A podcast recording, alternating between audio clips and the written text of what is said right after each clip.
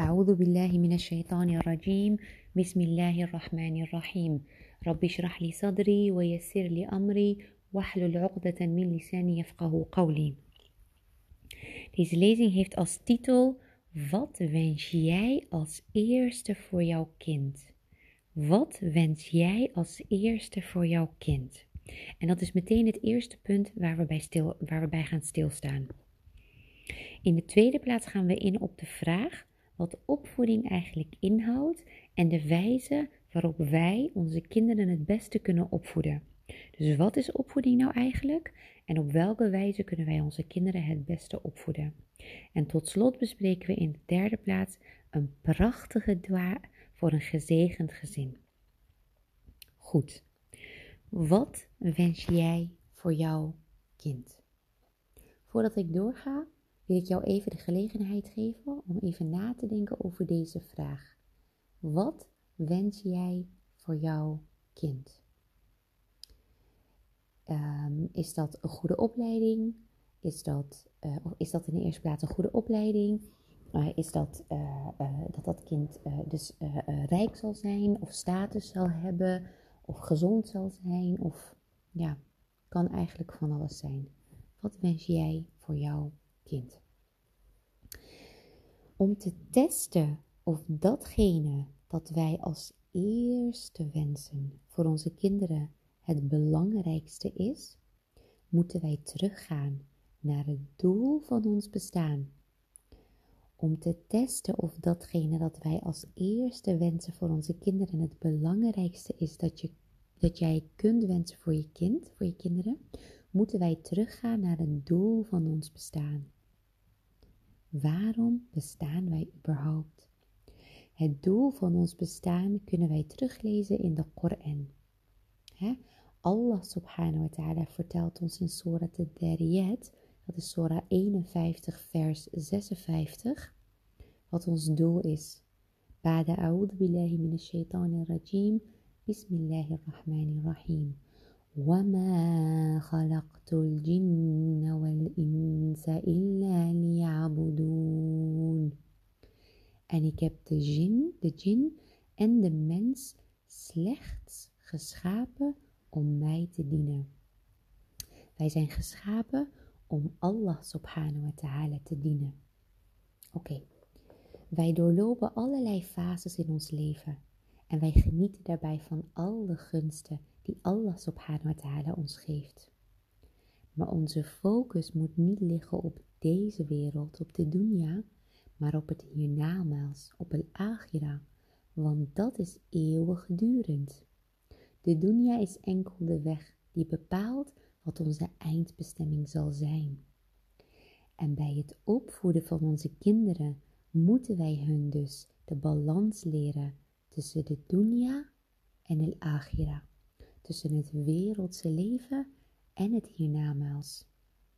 Een liefhebbende ouder concentreert zich niet alleen op het vullen van de maag van zijn of haar kind, hè, op het kopen van de beste kleding, op hun voorzien van een mooie, leuke woning, hè, comfortabele woning, mooi huis, mooie kamer. Hè. Die focust zich niet alleen op hun opleiding, maar meer nog die veel aandacht besteedt aan het werkelijke doel van hun bestaan en aan hun uiteindelijke bestemming in het hiernamaals. Dus nu stel ik je nogmaals de vraag: wat wens jij als eerste voor jouw kind? Wat wens jij als eerste voor jouw kind? Oké. Allah subhanahu wa ta'ala zegt in Surah Tahrim dat is Surah 66 vers 6. يا أيها الذين آمنوا يا أيها الذين آمنوا قوا أنفسكم وأهليكم نارا. قوا أنفسكم وأهليكم نارا. وقودها الناس والحجارة. O degene die geloven bescherm jullie zelf en jullie gezinsleden tegen een vuur welks brandstof mensen en stenen zijn.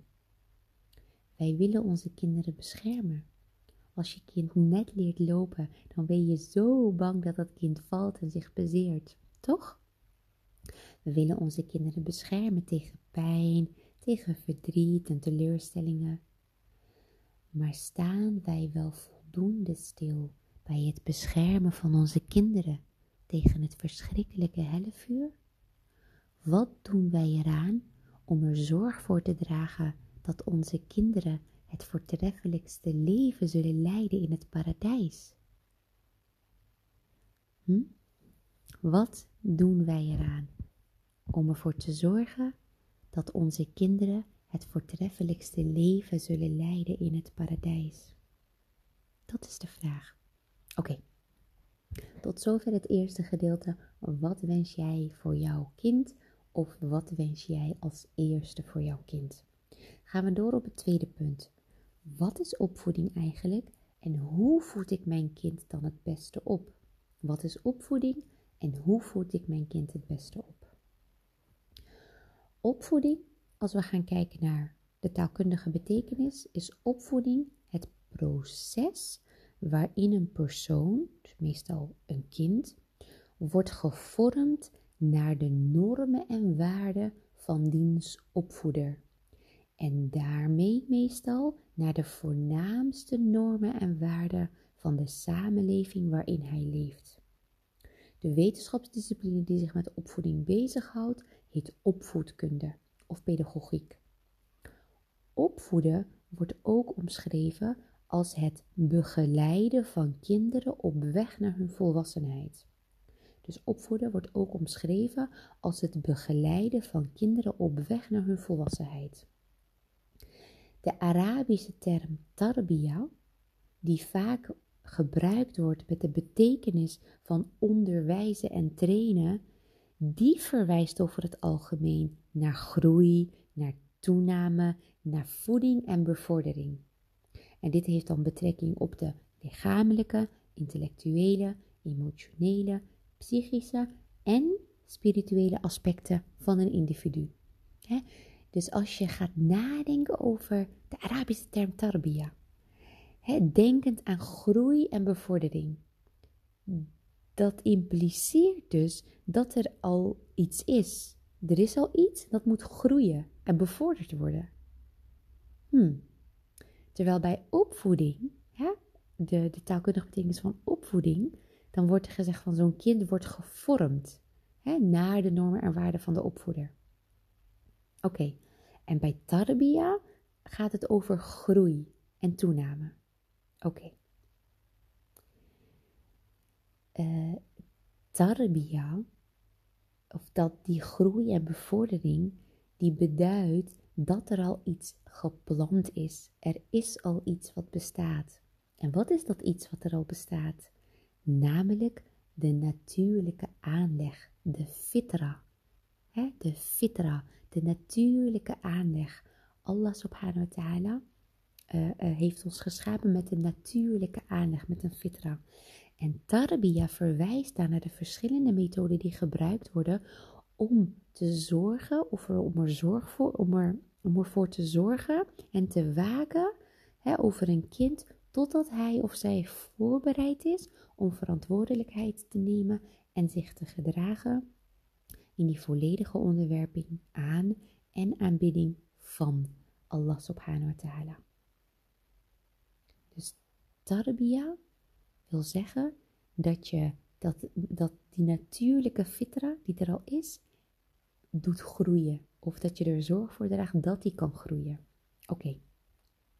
Nou, een groot gedeelte van de opvoeding, hè, of zo niet het grootste gedeelte, bestaat niet uit de les voorlezen over goed gedrag. Hè? Je kind leert niet van dat je tegen je kind zegt: je moet dit zo doen, of je moet dat zo doen, of dit hoort zo en zo. Dat moet je natuurlijk wel vertellen. Maar de echte les bestaat niet uit het de les voorlezen over goed gedrag, maar zelf het voorbeeld geven van goed gedrag. Zelf het voorbeeld geven van goed gedrag. En hieronder valt dus ook jouw gedrag ten opzichte van je partner, van ten opzichte van jouw ouders, van je familieleden, van je vrienden, van je kennissen en van je buren. Jouw kind ziet wat jij doet. Jouw kind ziet hoe jij je gedraagt. En daar leert je kind van.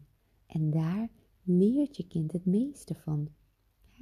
Ik weet niet of jullie, dat is wel een grappig voorbeeld, maar je hebt um, uh, Dat, is zo'n, uh, dat zijn van die energy voor kinderen.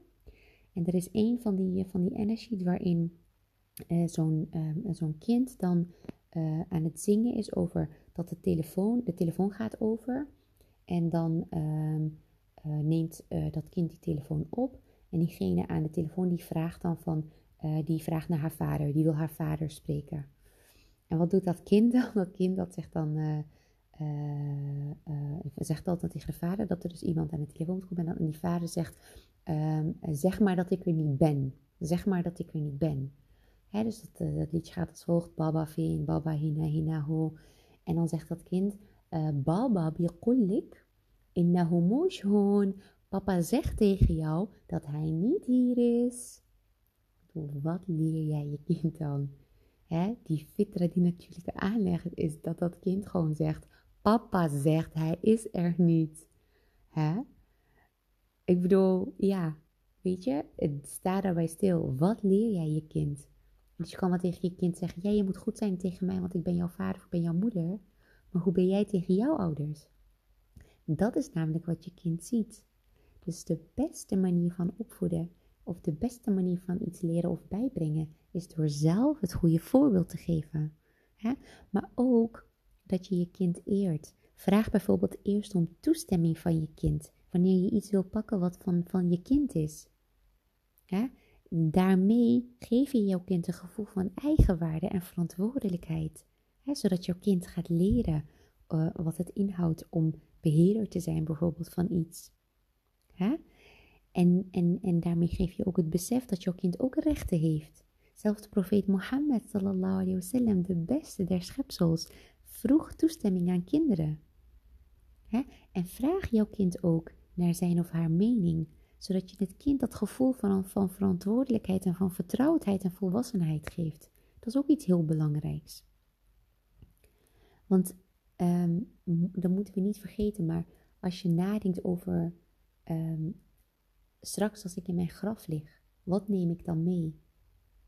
Wat neem ik mee? Alles stopt. Je neemt enkel je goede en je slechte daden mee. Dat is wat je meeneemt. Al het andere, je rijkdom, je bezittingen, je huis, je auto, je geld, je familie, alles laat je achter. Alles laat je achter. Er zijn drie dingen die jou nog, waar je nog baat van kan hebben als je in jouw graf ligt. En één daarvan is een, een salih yadulek. Is een, is een vroom, is een goed kind die dua voor jou doet. Dus jouw kind, jouw kind of jouw kinderen zijn jouw nalatenschap als jij je kinderen op een goede manier opvoedt als goede moslims, dan heb jij daar ook profijt van. De wereld heeft er profijt van, maar jij hebt er ook profijt van. Sowieso in, als je nog leeft, want het geeft je geluk, het geeft je voldoening, het geeft je vreugde. Maar ook wanneer jij in jouw graf ligt. Als jij jouw kind hebt geleerd over Allah subhanahu wa ta'ala en over het paradijs en over het hellevuur en over taqwa en over al die onderwerpen die gaan over de islam, dan zal dat kind ook over jou nadenken wanneer jij al in je graf ligt. En wensen, het beste voor jou wensen. Ook wensen voor jou dat jij in het paradijs terechtkomt. En dan zal dat kind dua doen en alles met het vragen om jou te vergeven. doen salih yad'u lek. En die dua die bereikt jou. Daarmee dat, dat, dat, dat, dat, dat, dat voegt nog toe aan jouw hasanat. En hebben we dat niet allemaal nodig als we straks in ons graf liggen? als we niks meer kunnen doen. Dus investeer in jouw kind. Investeer in je kinderen. Zij zijn jouw nalatenschap. Zij zijn nog een bron van goede daden die jou kunnen bereiken wanneer jij in je graf ligt. Waladun salih yad'u lek. Waladun salih yad'u lek. Oké zijn we aan het einde gekomen. gaan we afsluiten in de derde plaats met een prachtige dua voor een gezegend gezin. Schrijf deze dua op, memoriseer hem, leer hem uit je hoofd en zorg ervoor dat deze dua uh, een vaste dua is die dagelijks terugkomt in jouw gebeden. Doe hem in je gebed, in de sejda, of als je wakker wordt of als je gaat slapen. Maakt niet uit, maakt niet uit waar, waar, waar, wanneer, maar doe hem. En in sejda is die het best, want dan ben jij het dichtst bij Allah subhanahu wa ta'ala.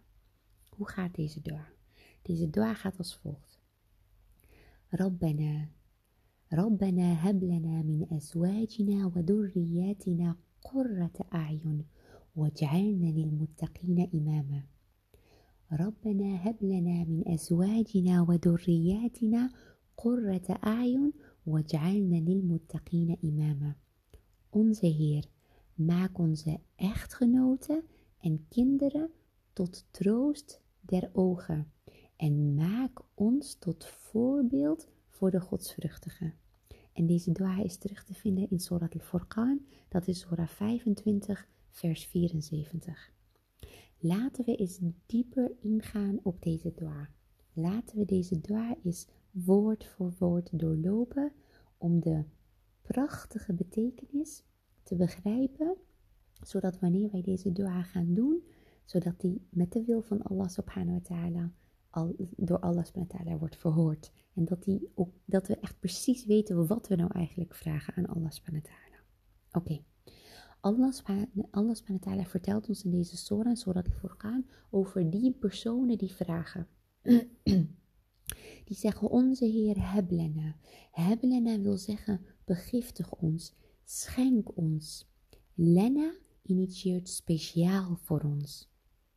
Dus je zegt niet alleen maar, oh Allah mag ik, oh Allah ik wil, oh Allah alsjeblieft geef. Nee, je zegt, oh Allah begiftig mij, schenk mij. Durriyatina, dus dat is voor wat betreft heblena. Durriyatina wil niet alleen maar zeggen jouw kinderen of jouw toekomstige kinderen, maar ook de kinderen van jouw kinderen en diens kinderen. Dus het gaat over, eigenlijk over generaties. Oké, okay, gaat over generaties. En dan stilstaan bij de betekenis van een troost voor de ogen. Qurrata ayun, qurrata ayun. Laten we teruggaan naar het oude Arabisch om te kunnen begrijpen wat qurrata ayun betekent. Want dat is wat je vraagt. Je zegt, onze Heer, maak onze echtgenoten en kinderen tot een troost der ogen. En maak ons tot voorbeeld voor de godsvruchtigen. Oké. Het oude Arabisch, uh, daar hadden ze uh, bepaalde uitdrukkingen, waaronder deze twee. Namelijk het warm zijn van de ogen en het koel zijn van de ogen. Dus het warm zijn van de ogen en het koel zijn van de ogen. Nou, laten we verduidelijken door middel van een voorbeeld wat dit nou wil zeggen. Stel, je ziet op het vliegveld twee vrouwen. De een gaat afscheid nemen van haar zoon, die weggaat, en de andere die wacht haar zoon op die ze maanden niet heeft gezien. Ze zijn beide aan het huilen, maar de een huilt van verdriet en de ander huilt van vreugde. Nu is mijn vraag, welke ogen zijn warm en welke ogen zijn koel? Welke ogen zijn warm en welke ogen zijn koel? De vrouw die de tranen laat van vreugde, haar ogen zijn koel. Qurrata ayun, een ver koeling voor de ogen, een vreugde voor de ogen. Nog een ander voorbeeld. Dat is van een man die in de woestijn op een kameel rijdt, terwijl er een zandstorm woedt. De man heeft last van het opvliegende zand, maar hij, hij kan zijn ogen niet afdekken, want als hij dat doet, dan ziet hij niet waar de kameel naartoe rijdt. En opeens vindt hij een grot waarin hij kan schuilen. En hij zegt dan: Mijn ogen zijn eindelijk koel geworden. Mijn ogen zijn eindelijk koel geworden. Qurrata ayun, een koelheid voor de ogen. Dus wanneer we dit vragen aan Allah subhanahu wa ta'ala, vragen we om vreugde en om bescherming. We vragen dat ons huwelijk en onze kinderen de bron zijn van onze vreugde.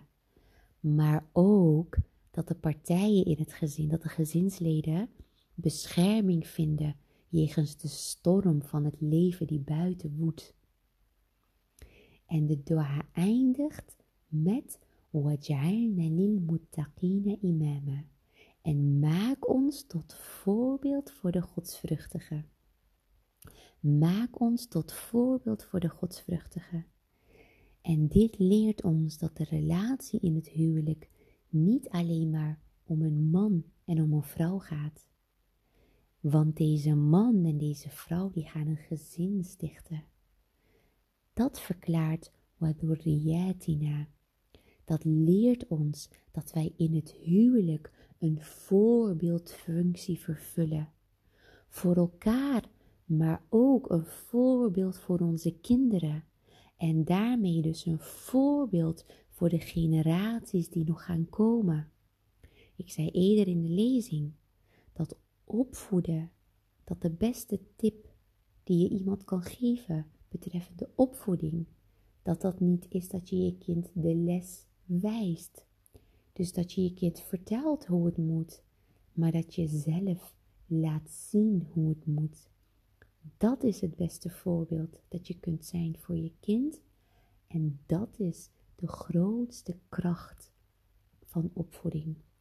De kracht van het laten zien wat je wil dat jouw kind gaat laten zien. Laten we proberen om deze dua te memoriseren en hem, en, en hem dagelijks uh, uh, op te zeggen. Hè? Rabbana هب لنا من أزواجنا وذرياتنا قرة أعين واجعلنا للمتقين إماما واجعلنا للمتقين إماما Mogen Allah subhanahu wa ta'ala ons de kracht geven en de sabber en het geduld geven om goede ouders te kunnen zijn voor onze kinderen en om zelf het goede voorbeeld te kunnen laten zien, zodat onze kinderen daarvan kunnen profiteren zodat zij zien dat wij het goede doen en dat zij daarom ook het goede zelf zullen doen. أقول قولي هذا وأستغفر الله لي ولكم. سبحانك اللهم وبحمدك. أشهد أن لا إله إلا أنت. نستغفرك ونتوب إليك.